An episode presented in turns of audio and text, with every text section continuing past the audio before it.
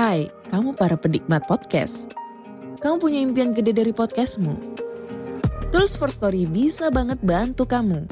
Mulai dari F-Link, Dynamic Audio Insertion, sampai statistik yang komprehensif. Semua ada di First Story. Gak ketinggalan kamu bisa monetisasi podcastmu lewat iklan dari First Story Ads yang bisa kasih kamu penghasilan dari setiap place podcastmu. Yuk gabung sekarang dengan klik di firststory.me. Sekali lagi, klik di firststory.me. Mari kita bawa mimpi podcastingmu menjadi kenyataan. Hello? Hello? Podcast Network Asia.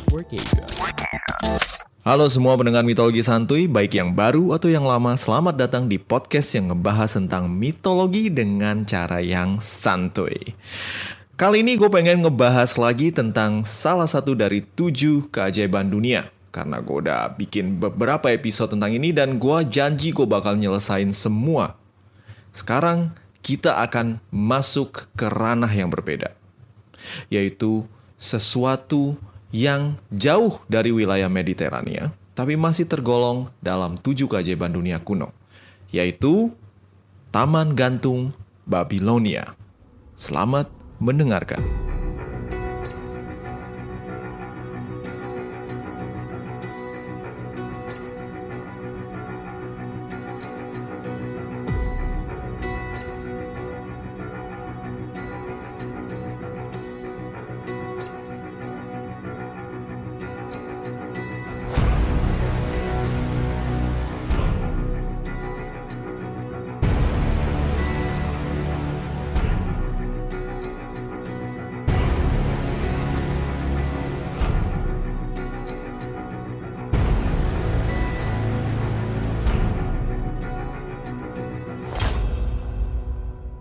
Oke, Taman Gantung Babilonia itu nggak jelas ada apa nggak. Udah, gitu aja. Sekian, terima kasih. Sampai jumpa di episode selanjutnya.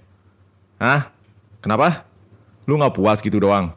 Lu mau gua jelasin panjang lebar? Duh, nuntut banget ya. Udah nggak bayar lagi, gratisan. Ya udah, karena gue cinta pada kalian semua. Dengerin nih. Kita udah ngunjungin kuil Artemis di Efesus, patung Zeus di Olympia, patung Helios di Rhodes, dan juga makam Halikarnassus di Bodrum, Turki. Semua keajaiban dunia ini berlokasi di Turki dan Yunani sekarang. Namun kali ini kita akan mengunjungi satu keajaiban dunia legendaris yang keberadaannya pun sampai sekarang menjadi misteri, yaitu Babilonia. Lebih tepatnya lagi, Taman Gantung Babilonia. Taman Gantung Babilonia adalah satu-satunya keajaiban dunia yang terletak jauh dari wilayah Mediterania. Namun wilayah ini tidak asing bagi orang-orang Yunani kuno, yaitu Mesopotamia. Sebelum gue jelasin tentang keajaiban dunia kali ini, perlu gue bawa kalian ke Mesopotamia, atau wilayah di Asia Barat yang lokasinya kurang lebih di negara Irak sekarang. Orang Yunani menamai wilayah ini Mesopotamia, yang artinya tanah di antara dua sungai, yaitu Tigris dan juga Efrat. Wilayah ini sejak zaman bahla memang merupakan tempat berkembangnya berbagai macam kebudayaan. Dan juga merupakan sasaran penaklukan berbagai bangsa. Bahkan sampai zaman modern dan juga mungkin zaman sekarang pun masih belum begitu stabil. Dari tempat inilah, berbagai kerajaan besar tumbuh, makmur, ditaklukkan, dan juga akhirnya berulang lagi dan lagi. Wilayah yang kaya akan budaya ini pernah dikuasai oleh kerajaan Babilonia, Assyria, Persia, Romawi, Palmyra, penaklukan Muslim, sampai ke Amerika Serikat pun pernah menduduki wilayah ini. Dari wilayah yang datar inilah banyak warisan budaya dan pengetahuan yang kita dapat dari bangsa-bangsa yang pernah mendiami tempat ini. Kalian tahu roda kan? You know, roda, wheel, lingkaran yang bikin mobil atau motor lu bisa jalan itu asalnya dari Mesopotamia. Nanam padi, gandum, atau pertanian dengan biji-bijian, tapi bukan biji yang itu. Asalnya tuh dari Mesopotamia. Berbagai konsep astronomi, pertanian, dan juga matematika asalnya itu dari Mesopotamia. So, kalau ada di antara para pendengar yang masih sekolah dan punya banyak PR mat yang susah-susah dan bikin waktu gamingnya terganggu, ya salahkan pada Mesopotamia. Haha, canda. Udah belajar yang bener lu. Gua nggak bisa bahas semua sejarah dari Mesopotamia karena memang panjang banget. So, gua akan bahas yang relevan aja. Cerita kita mulai dari seorang raja Babilonia, yaitu salah satu kerajaan yang berkuasa di Mesopotamia. Raja ini bernama Hammurabi. Hammurabi adalah raja Babilonia ke-6 dari dinastinya dan terkenal sebagai penguasa yang bijak dan juga pandai berperang. Beliau menaklukkan banyak wilayah Mesopotamia dan menjadikan kerajaan Babilonia sebagai negara superpower. Kita nggak ngenalin Hammurabi karena kehebatannya atau kebedesannya dalam bacok-bacok pasukan musuh. Kita lebih mengenalinya dalam warisannya, yaitu kode Hammurabi. Maksud gua kode di sini bukan ini ya, bukan apa namanya sinyal-sinyal yang lu keluarin ketika lu kepengen dibeliin pacar barang atau apa. Tapi kode di sini adalah aturan atau hukum tertulis karya Hammurabi. Kode atau Kodeks Hammurabi adalah bentuk hukum tertulis paling awal yang menyebutkan bahwa orang tak bisa dihukum sebelum terbukti melakukan kejahatan yang dituduhkan.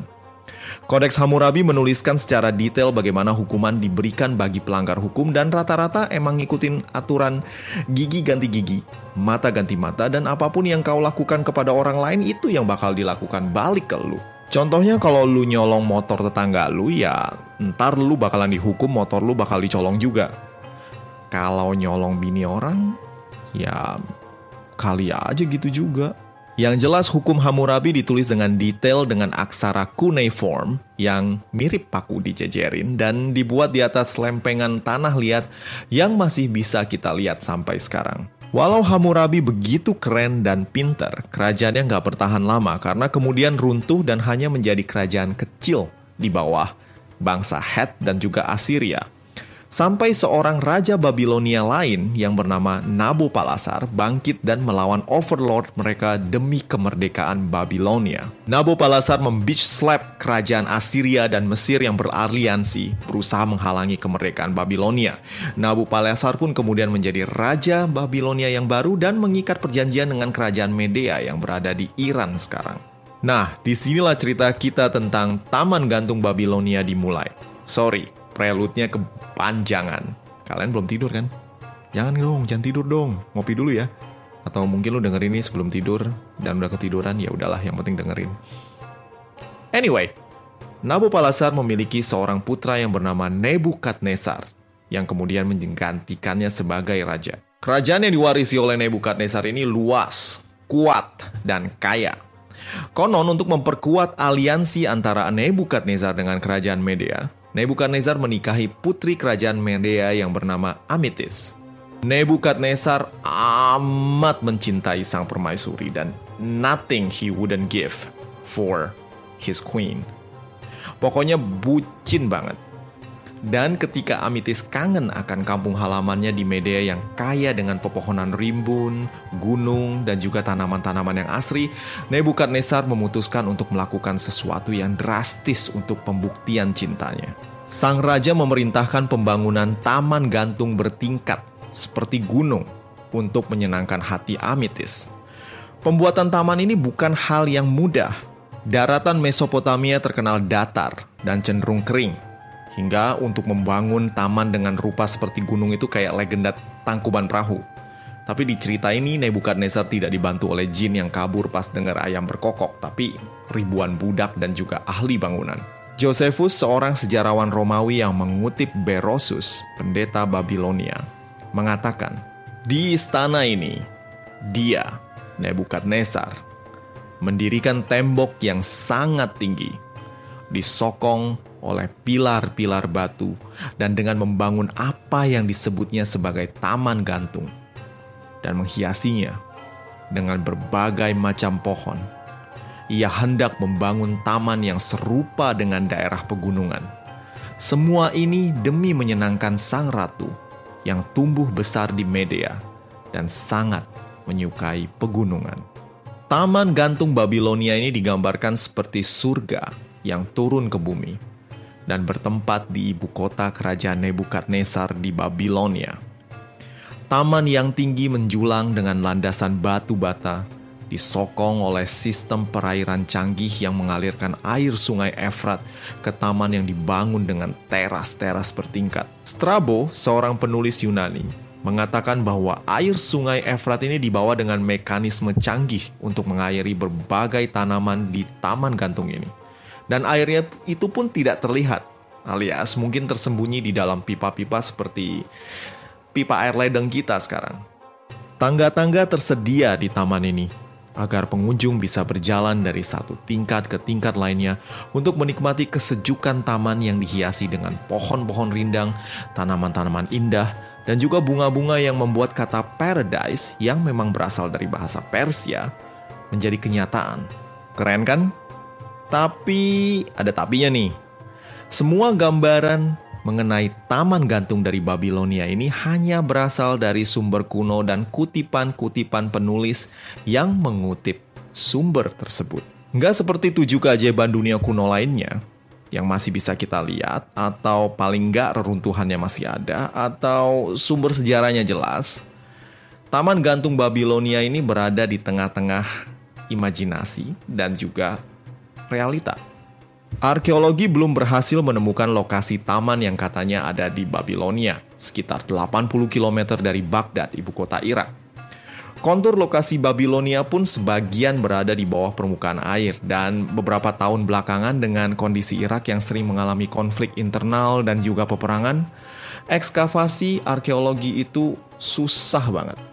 Tapi masalahnya bukan itu doang Para arkeolog kini agak skeptis dengan sumber-sumber kuno yang sifatnya cuma ngutip doang dari sumber pertama, yaitu kata-kata Berosus, seorang pendeta Babilonia yang pertama kali menyebutkan tentang keberadaan taman gantung Babilonia dan juga cerita tentang Nebukadnezar jadi bucin untuk istrinya. Dan Berosus pun menulis sekitar 300 tahun setelah masa Nebukadnezar berkuasa. Kebayangkan rentang waktunya. Dan dalam waktu yang panjang, biasanya kebanyakan ada salah sebut, salah kutip, dan macam-macam. Selain itu, kerajaan Babilonia juga meninggalkan banyak catatan detail tentang Nebukadnezar dan masa pemerintahannya. Namun dari sumber-sumber tersebut nggak ada satupun yang menyebutkan tentang taman gantung dan juga nama dari permaisurinya yaitu Amitis, apalagi cerita soal dia jadi bucin. Dan kalau lu tahu karakter Nebukadnezar, lu bakal skeptis juga. Soalnya Nebukadnezar ini terkenal amat percaya diri dan juga narsis. Salah satu bangunan yang bisa dipastikan adalah karyanya, yaitu gerbang Ishtar yang indah. Itu ada tulisannya. Lu mau tahu tulisannya apa? Kayak gini nih. Aku menempatkan banteng liar dan naga ganas di gerbang dan menghiasi mereka dengan mewah agar orang-orang yang lewat akan menatapnya dengan kagum. Dan lu pikir kalau dia bikin taman gantung yang luar biasa keren itu dia nggak bakalan nulis seperti ini? Nggak mungkin kan? Dan ada banyak sumber resmi, bukan kutipan loh. Ini sumber resmi dari kerajaan Babilonia melalui tanah liat yang bertulisan tulisan paku itu.